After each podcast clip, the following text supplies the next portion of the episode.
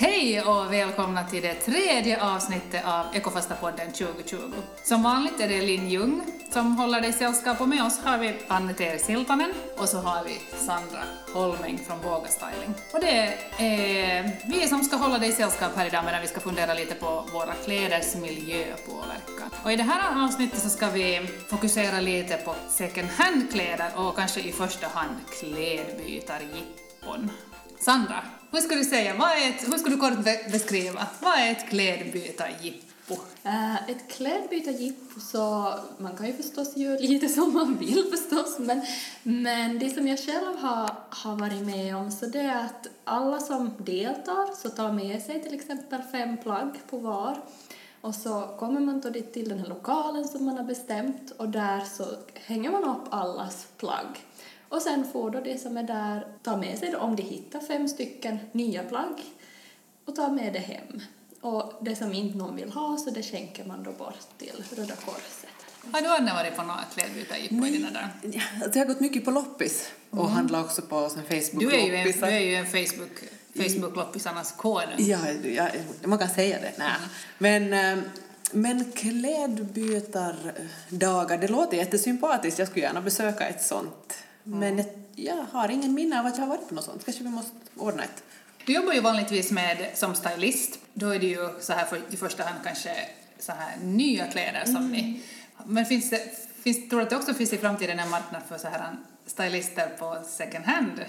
Mm. Eller på loppisar också? Vi har nog haft kunder som har velat gå på eller på loppisar. Vad intressant. Mm, det är nog jätteroligt. Ändå förstås att det tar ju betydligt längre tid så att kunden i fråga måste förstås vara okej okay med att det kan inte vara samma pris som i en äh, där vi handlar nya kläder. Men då gör en, en kund verkligen för miljöaspekten, ja, inte för exakt, att spara pengar direkt. Exakt. Mm. Mm.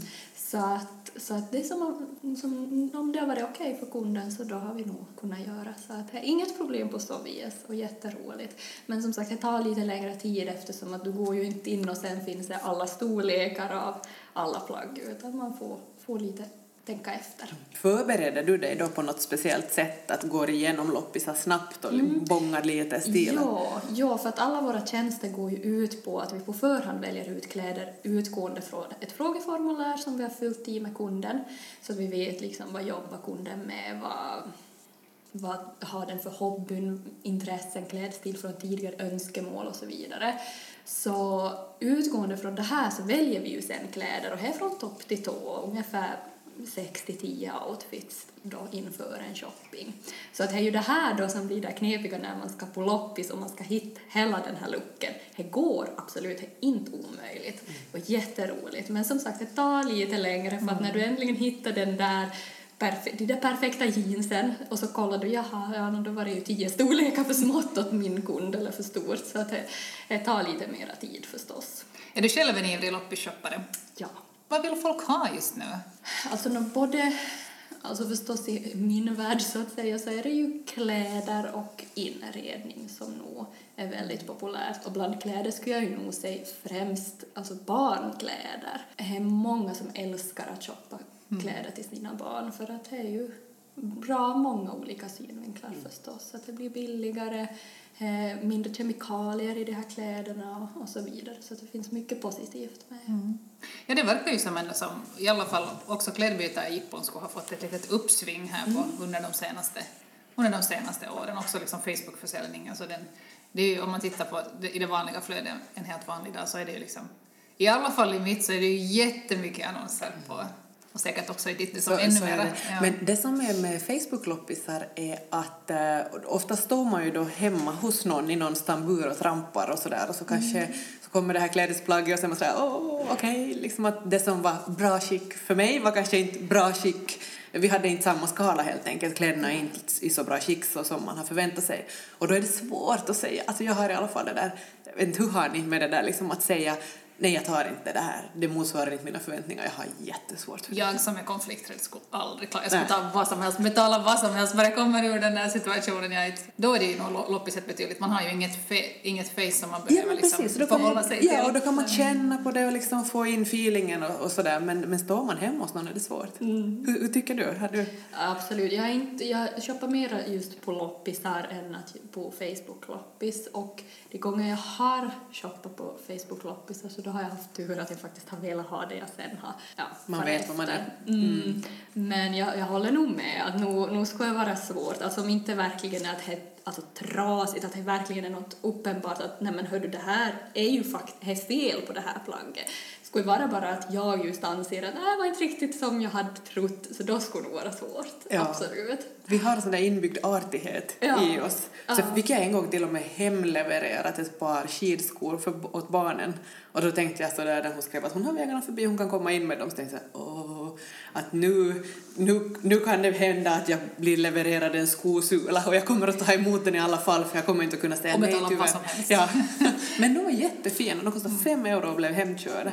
Mm. Så det var ett jätte, jättebra. Det finns genuint, genuint goda människor som Absolut. har samma skala på, på, Ja. skick som du. Ja. Men vad är det folk vill veta när de går på föreläsningar om Mm. klädbytarträffar? Vad, vad är det de vill veta? Alltså förstås eh, vad de ska tänka på när de nu går på det här loppiset, att vad ska de se efter, att hur ska de komma hem med rätt sorts plagg så att de inte sen bara lämnar i garderoben. Så att det är ju nog mycket tips som vi ger är ju, no, alltså det viktigaste skulle jag säga är att ha en shoppinglista innan du går. Att du vet det vad har du man ju behöver. aldrig på Inte loppis, utan loppis, är en sån där sak som man tänker att nu kan jag köpa allt spontant och härligt som kommer i min väg och det är billigt så jag kan köpa Yes. mycket. Mm, och det är just det här som är det här farliga. Ja. Att man tänker att okej, nu kan jag... Och absolut är det okej om man känner att nej men nu vill jag faktiskt gå crazy och bara hit vad jag hittar och sen får vi se.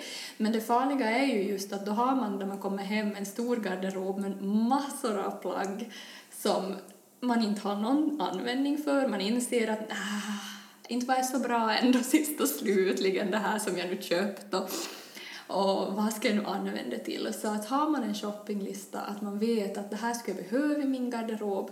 Så till exempel, det beror ju på då vad, om man går till exempel till ett loppis där allt är kategoriserat. Eh, ja, så till Såna exempel det de här Röda Korset-loppisarna. Just, de har ju färdiga kategorier, att byxor i blått där, svarta skjortor där, kappor, kavajer. Och då vet du att om du ska ha ett specifikt plagg då kan du ju bara gå direkt till den ställningen och kolla att finns det där. För att det är nog jättelätt hänt att man står där och ja, men det kostar ju bara 1,50. Det där låter som precis som mina tankar. Och det var precis det här som du beskrev innan. Jag tänkte så här, du var hemma hos mig och tittade i min skrubb för det är, liksom, det är exakt så där det är. Man köper ju aldrig så här en klassiska basplagg på loppis i alla fall. Det, det är ju där som, det är där som man köper kanske de här plaggen som, som man tänker att men det här kan jag ha någon gång. Att det är inte så viktigt att det där är hållbart och långt. Det som är problemet tycker jag om man går till loppis och tänker så här, nu ska jag ha en yllekappa i storlek M. Att man missar allt annat. Man är som rädd och man är så jättefokus på liksom, man ser enligt längden hur det ska se ut där i och bara spanar efter, efter sånt. Så, så kan man missa någonting annat, någonting trevligt, någonting åt barnen eller någon, någon grej som man samlar på eller något spontant köp. Men varför förhåller man sig så där annorlunda till när man köper? För så skulle man ju aldrig tänka när man köper liksom, i en vanlig Men kanske det är affär. för att det inte är en vanlig affär. Och att det är så o, o, de här loppisarna som jag går på är ofta liksom att det är bord som folk har då. Så det, är liksom, Ja. det kan ju vara vad som helst på hyllorna.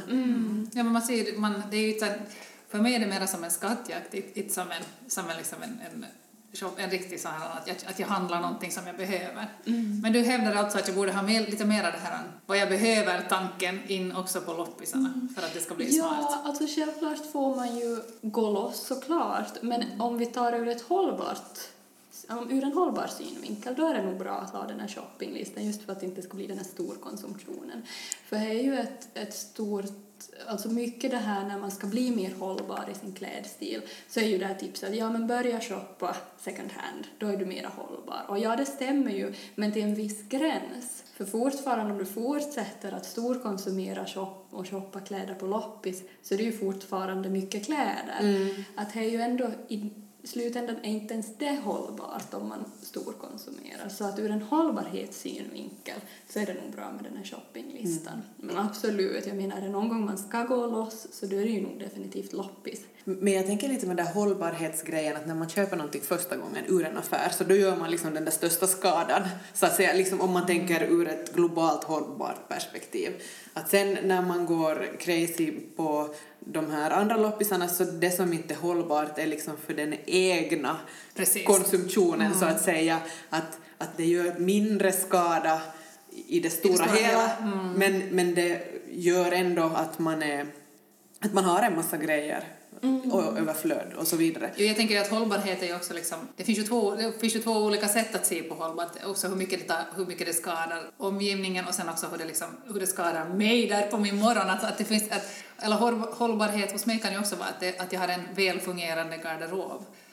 Att, jag kan, att det är lätt att hitta och jag vet min stil och jag vet vad, jag behöver inte ha liksom nerverna slut klockan 7.30 varje morgon när jag ska som ha på mig någonting, Absolut. utan det är liksom Mm. Ett hållbar, en hållbar vardag.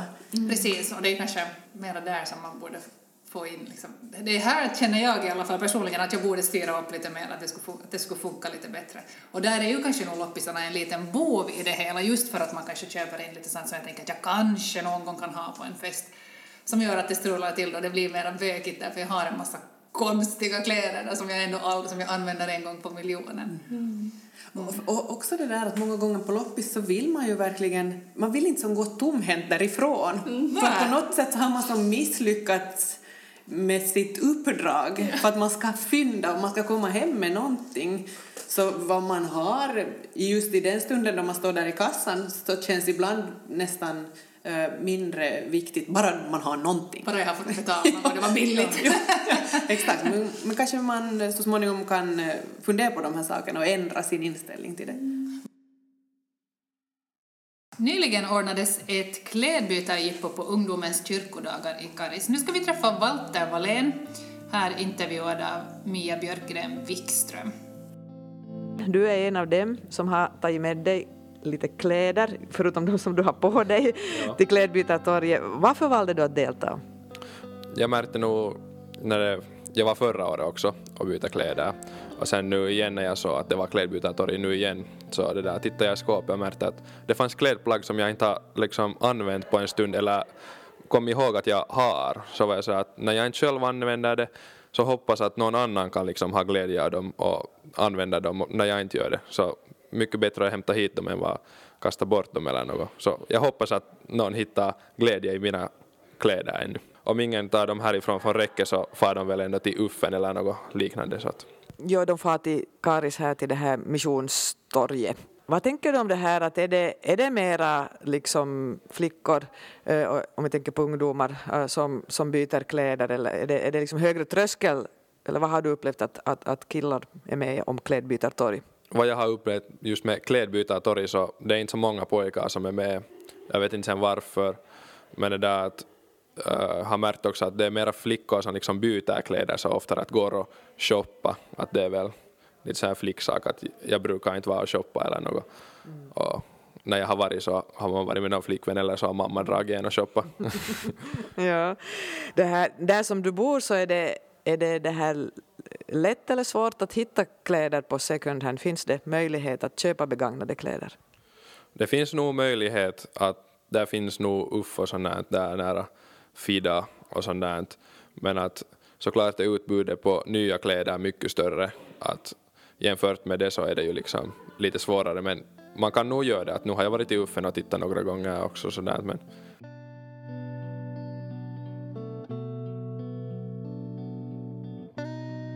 Ja, Walter säger här att eh, det var svårt att hitta kläder för män, att det var mest, eh, det var mest flickor som hämtade kläder till det här klädbytarjippo på ungdomens kyrkodagar. Tror du också att det här är någonting som är, som är vanligt sådär generellt på loppis och i second hand-försäljning? Att det är mest kvinnor som, som säljer? Ja, absolut. Uh, går man återigen på loppisar som till exempel Röda Korset så dit skänks sig ju förstås av båda. Så där tror jag är större chans att man hittar för båda könen. Men just de här privata loppisarna, att man själv ska sälja kläder, då tror jag nog absolut att det är större andel kvinnor som säljer. Och varför är det så? Ja, varför ska vi, vad, ska, vad ska vi tro att det beror på? Ja. Det är väl nog överlag det här med att kvinnor tycks ha större intresse för kläder och, och just det här att man shoppar mera, att en man så, han köper s- mera sällan, mycket på en gång men sliter sen upp tills det egentligen inte finns någonting att sälja kvar. Ja. Så jag tror det är mycket det som det handlar om. Men sen absolut, nog ökar ju också intresset bland män, både för kläder och just att sälja second hand och så vidare, shoppa second hand.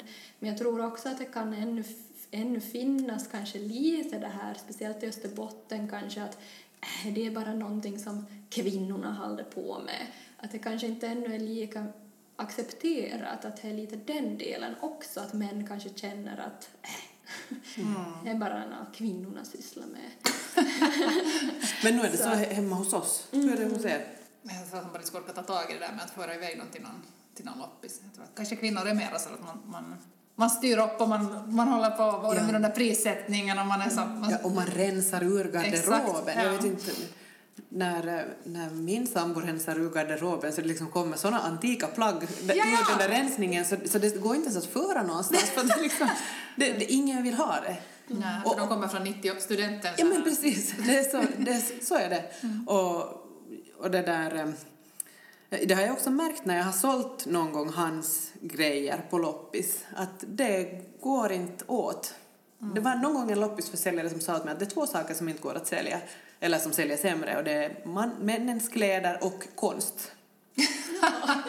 Samma kategori. Ja. Så det är inte folk intresserade av att handla på loppis.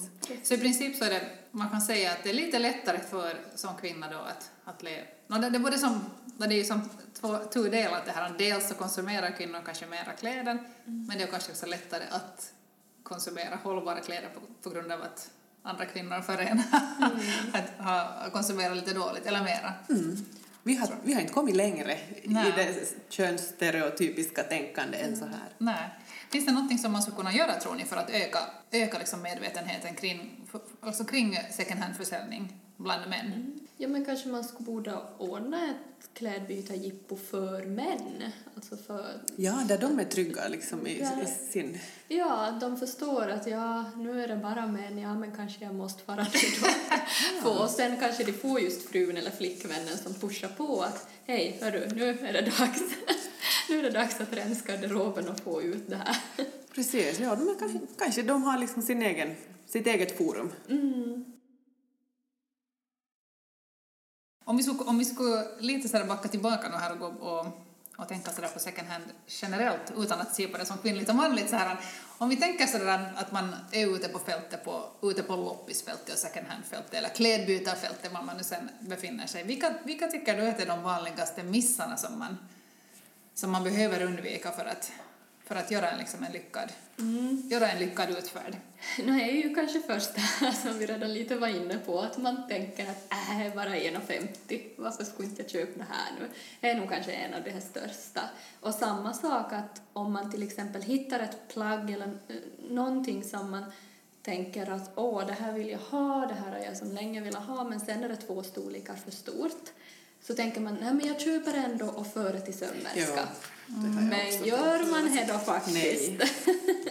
Man gör Att det där. Man ska ju vara säker då på att man faktiskt för till sömmerska eller att man har någon i familjen eller, eller själv tar hand om det här. Jag måste säga, jag har till och med tänkt att det här syr jag om själv. Ja. Det är nog att vara på toppen av sin optimism, verkligen, för en människa som är totalt oduglig när det gäller att sy. Så, men, men så gör loppisar åt en. Har du, Linn, sytt om någonting från loppis någon gång? Ehm, jag tror nog att jag har säkert många gånger tänkt att jag ska göra men inte hade ännu. Några sådana lyckade exempel har jag tyvärr inte heller att gå på. Men vad, vad tycker du istället om man, om man vänder på steken? Vad, vad är viktigt när det kommer just att, precis som jag sa tidigare, att jag, jag går dit och så tänker att men det här är ju helt crazy, det här kan jag ha någon gång. Hur, vilket jag inte alls gör i en vanlig affär. Då tycker jag att jag har som ganska bra koll på vilken min stil är. Men sen börjar jag liksom freestyla hejvilt när jag är på loppis. Vilket skulle vara ett så här, hur skulle du få mig att behålla, att jag ska liksom behålla också den här stilen när jag handlar när det är jätte, jättebilligt på second hand? Hur ska jag tänka kring det? Men jag skulle nog säga att var förberedd innan du går in. Just som jag sa, den här shoppinglistan. Att ha koll lite på att vad behöver du faktiskt. Absolut får det ju finnas utrymme för att också gå loss lite. Men att du ändå har en bra bas att jobba ifrån. Och just ha koll på vad är din stil. Att du kanske skriver ner eh, tre ord som beskriver din klädstil. Så att du, och sen när du då går på loppis kollar, okej, men gå- ingår det här faktiskt i den kategorin som jag vill ha i min stil? Det är ganska bra. Nej, om inte det- gör det så då, då är det ju ganska snabbt att är man till exempel inte bohemisk och man hittar ett bohemiskt plagg och tänker att mm, ja men kanske, så då kanske man ska skippa för att det hör ju faktiskt inte till en stil. Man, man måste liksom boosta sin stil innan man går in och Men det tänker kanske också förutsätter att man överhuvudtaget känner igen sig, att man har en stil innan man går. Finns det något annat när du tänker att vad, vad, ska, vad är sådana här big no-nos, vad ska man inte köpa? Finns det något så speciella liksom, material eller klädesplagg eller något sånt som, som du tänker att man, det där är ingen vits, det där finns mycket på loppisar men Ja, gå förbi. Vi, vi måste kanske säga det att, att någon som lyssnar på det här tror att vi sitter i en toalett och vandrar. Men det gör vi ju inte. Vi sitter i en källare och det går så här avloppsrör ovanför oss. Så det är därför det ibland låter som att, att det är någon som spolar. Det är ju de facto någon som spolar, men inte i det här rummet. Okej. big no-nos. Ehm, tänk på materialen, att kolla materiallappen, att är det nu akryl eller polyester så ja, kanske fundera att ska man nu faktiskt köpa ett sånt plagg. För Finns det någon procent av akryl och polyester som är okej? Eller är det liksom genast man syr, syr Mm, Ja, alltså direkt här blandat till exempel är ju nog bättre om är blandat med någonting annat. Om 50 bomull, 50 akryl till exempel är bättre än 100% akryl. Men är det nu 100% akryl då skulle jag nog skippa det här plagget. Att, antagligen kommer det att vara noppigt redan då om den som har haft det då innan har använt det så är det troligen noppigt redan då. Och varför då köpa ett plagg som fast du försöker ta bort den nopporna med diverse noppmaskiner och så vidare så kommer det ändå. Men däremot andra vägen så är det ju mycket, man ser att det är en tröja som är väldigt välanvänd och den, alltså, och den ändå fortfarande är bra kvalitet så då vet man ju Ja, att okej, då- det här, den har hållit, hållit tidigare ägare, kanske den också överlever mig. Ja, absolut. Men där måste jag säga, där har jag lärt mig också när jag har gått på loppis och letat kvinnokläder. Uh, och, tyvärr är ju mycket som är på loppis är noppigt. Um, det, det här har jag också lärt mig det att sådana märken som blir noppiga och ser väldigt slitna ut, så jag köper inte mera heller nya från de kedjorna. För att jag helt enkelt vet att det där är sen det som det blir till efter en tid i användning. Så det, det det tycker jag har varit, varit bra på det viset, att man har lärt sig. Vågar du outa något märken här? Nej, jag tror, jag, jag tror om vi ser, de finns i de flesta städer. Så, så. jag hade en bild i huvudet Ja, också ja. du sa så. Men om man, om man tittar, jag har varit en sån här ivrig loppisshoppare, alltså det här kommer säkert från min mommo i tiden hon har också alltid varit så jag har gått på loppisar i princip hela mitt liv.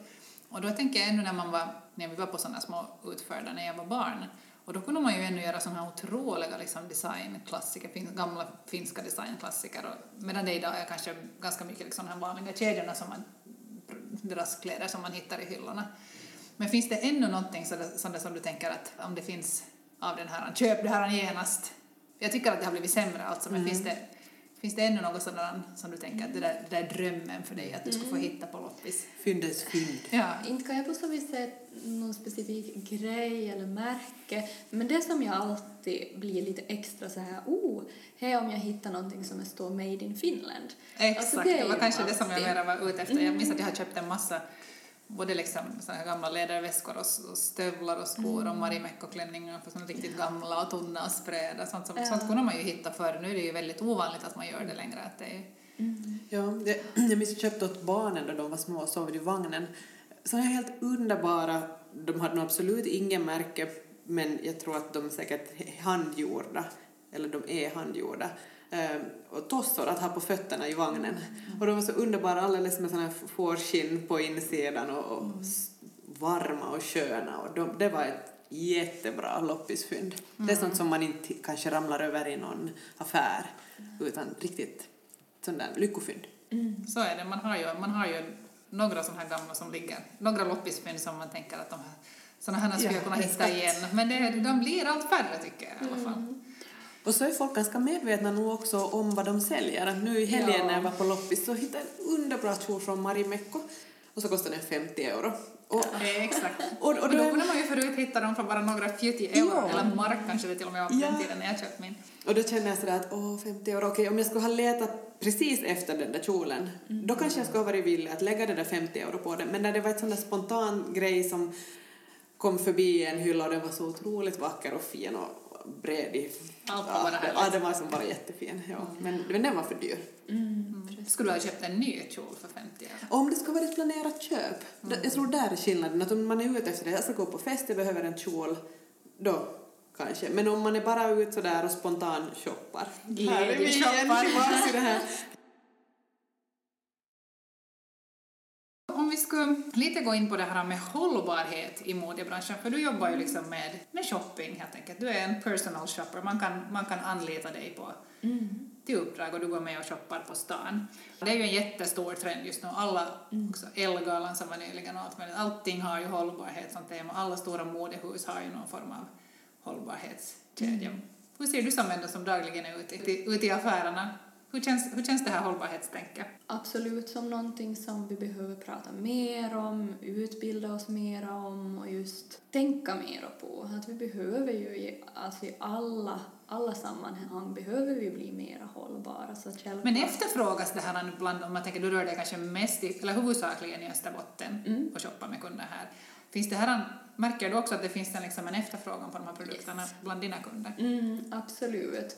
Eh, Just det här att eh, man vill ha en hållbar basgarderob till exempel, att det ska funka många år. Eh, Man vill att jag kollar faktiskt de här materialen, att det faktiskt är bra material så att det inte just kommer hem med akryl till exempel. Så att det finns nog Vet kunderna själva hur de ska, hur, liksom vad som är, är det, det, här materialkunskapen till exempel, är den, Vissa Är den har absolut koll, men vissa har absolut inte koll. Att det, det är som ibland när vi har de stilföreläsningar våra och vi frågar att ja, brukar ni kolla den här lappen här på insidan över era kläder? Då är det vissa som bara va? är som bara va? Finns det Jag har en inte ens lapp? tänkt på att det finns en lapp. Så då blir man som att va, okej, okay. som inte ändå all, kun- all kunskap alla har exakt, det finns, det finns att göra på området det ännu finns att göra. Snyggt eller hållbart? Vad väljer de? Jag skulle nog ändå vilja påstå att fler och fler väljer ändå att det ska vara gärna båda två. Alltså både snyggt och hållbart. Eh, både för den, pers- alltså kanske främst nog för den personliga stilen, att man vill inte shoppa ofta, man vill ha en hållbar stil som funkar även om tre år. Men också fler och fler som man märker att det här med hållbart mode har nått dem. Att de ändå som vill känna att det bidrar till en mer hållbar shopping. Mm. Jag tänkte, han pratade ju om det också, Walter, att, att idag trenderna är så snabba. Att man köper någonting och så sen är det inte mera modernt efter en tid så blir det gammalt och man vill göra sig av med det. Mm, brukar ni diskutera det med kunderna, sådana saker? Mm, absolut, och jag skulle säga ändå, för att vi har automatiskt vi har automatiskt frågor som eh, lite går in på det här att vill, på vilket sätt man vill förnya sig. Och många redan i det skedet så säger ju nog att ja, men jag är inte så intresserad av trender, att det är viktigare för mig att det är hållbart, att jag kan ha det här om fem år, att inte jag behöver shoppa nytt igen nästa höst bara för att det här känns fel nu. så att jag skulle nog säga att kanske bara 20 procent av våra kunder idag är intresserade av trender. Att de vill nog som ser stiliga ut, att de vill ändå se rätt ut i tiden, men specifikt trender är de inte så intresserade av. Utan, Men det känns ju som en så här positiv Sund. utveckling, sund Ja. utveckling i alla fall. mm, verkligen. En sån här tidlös stil. Ja. Ja, Men sen å andra sidan så är det ju jättekul när det kommer någon gång, när det kommer liksom någonting som är, som är helt nytt. Och jag tänker också för dig, så du, du, är ju, du lever ju av andras mode Mm. hela tiden, så det måste ju ändå vara liksom, det här måste ju ändå vara någon slags, ja som man lite som, som man står där mitt, som man slits mellan, att vad, Ja, alltså speciellt jag måste ju nog säga, jag har ju en lite, liten identitetskris just nu på grund av det här, eller tack vare, beror på man ser Men hela modevärlden måste ju liksom vara i någon sorts, slags- hur ska vi förhålla Ja, oss till det här med att, att skapa hela tiden nya trender när det inte är hållbart med tanke på att snart har vi liksom hundratusentals trumpetbyxor och knytblusar och allt sånt som, som ingen längre vill ha. Och nu gör vi massvis av dem. Mm. Exakt. Nej men alltså man måste ju bara som jag själv att just jag försöker i första hand hitta trenderna på loppis. Att inte jag köper nytt när det kommer till trender. Att jag försöker till och med att jag försöker skapa själv just jag gillar ändå nå- någorlunda att sy och fixa och, och dona så att men det är nog det att, att och just ha, i branschen att man kanske går mer och mer mot det här att visst trender absolut men kanske inte lika stor grad den här massproduceringen. Att just lite mera att jag behöver ändå som bara mer kanske på efterfrågan. Men det är nog intressant vart den Det känns som en sån liksom brytningstid just nu Ja. också, att det är mycket som, händer, som händer på den här fronten och medvetenheten ökar. Så kanske att det här, ja, kanske att framtiden ser lite annorlunda ut också i modebranschen. Den som lever får se. Men om vi skulle så här avslutningsvis sammanfatta det som vi har, som vi har pratat om lite här idag. Om du Sandra skulle säga att fem avslutande tips på vad vi ska ha, ha med oss när vi, när vi går på second hand shopping. Mm. No, jag skulle alltså återigen Ett. vill, vill se den här shoppinglistan, eller åtminstone ha en plan på vad behöver man, vad vill man ha, just när man ändå vill gå mot en lite hållbarare. Sluta leka skattjakt. Ja. Tyvärr. Tyvärr. För det är ju ändå en skatt att hitta någonting som du länge har velat ha, men för alltså 100 euro billigare. Två. Mm. Ehm, kolla materialen. Var noga med materialen. Att Det finns en lapp det finns en lapp. Om inte den har blivit bortklippt. Ja, i värsta fall kan det ju faktiskt vara så. Men kolla materialen. Och, och vilka, vilken lapp ska man bli gladast över? Nej, men det är ju just de här, de här naturmaterialen. Ylle till exempel är ju nog jättetrevligt. Ska man hit kashmir, silke, är ju de här som yes. Ifall ni har råkat missa det så kan ni gå tillbaka till avsnitt ett där Elin Sandholm tipsar mer om hållbara material. Nummer tre. Ja, nummer tre, alltså skippa om inte känns hundra. Och men just det här att man bara köper för att det är så billigt. Kanske sluta kompromissa helt Sluta enkelt. kompromissa. Mm. för att det lämnar nog dit och, det svider lika mycket att ha de här billiga loppisplaggen i garderoben som de här nya från klädbutiken. Att plagg som plagg sen när det är i garderoben, att då, då slutar det vara en skatt fast det kanske kändes så då. Jättebra point. Ja. Nummer fyra. Då skulle jag vilja lyfta Röda Korset och liknande loppisar, just för att de har de här färdiga kategorierna, eller att allt är kategoriserat, så att man kan lätt gå och se just, är är det kappor så då går man till kappavdelningen, är det skor så går man till skorna. Att det är absolut ett jättebra tips för att hitta det man söker och spara lite tid. Mm. Ja, tid. Ja. Innan Man går igenom ett stort loppis med som är liksom flera hektar. Ja. Så är det. Och lyckad, lyckad loppisshopping så det kräver ju att man ska hitta de skatterna kräver ju liksom jättemycket tid egentligen. Så där kanske du kan ju nog vara kategorisering sparar någon tid. Nummer fem. Sista avslutande tipsen. Sista, alltså kanske just att det här att påminna sig själv om, om är som sagt det där hållbara man ändå är ute efter, att komma ihåg att i slutändan inte, om vi ändå storkonsumerar loppiskläder, så då blir det inte heller hållbart. Att för att då, för vi ger ju ändå i alla fall intrycket av att vi shoppar mycket åt andra genom att shoppa mycket på loppis. Så att ändå som kanske håll det här i bakhuvudet att fastän ja absolut är det betydligt mer hållbart att shoppa på loppis men det finns ändå en gräns där också. För att det, tar ändå inte bort den här masshysterin till att shoppa mycket. Mm. Otroligt bra tips. Verkligen. Väldigt bra sammanfattat. Ja. Ja. Och bakom den här poddserien står Kyrkostyrelsen och Martaförbundet och mer från Ekofasta-kampanjen hittar du som vanligt på ekofasta.fi och fler Ekofasta-poddar hittar du där poddar finns. Och i nästa avsnitt Anne, kommer vi att prata mer om, om greenwashing. Mm, jo, ett jätteintressant ämne. Vem, vem kan man lita på och, och vem gömmer sig bakom ekotitlar och inte alls är så ekovänlig egentligen? Mm. Tills dess tackar vi för oss den här gången. Tack ska du ha Sandra.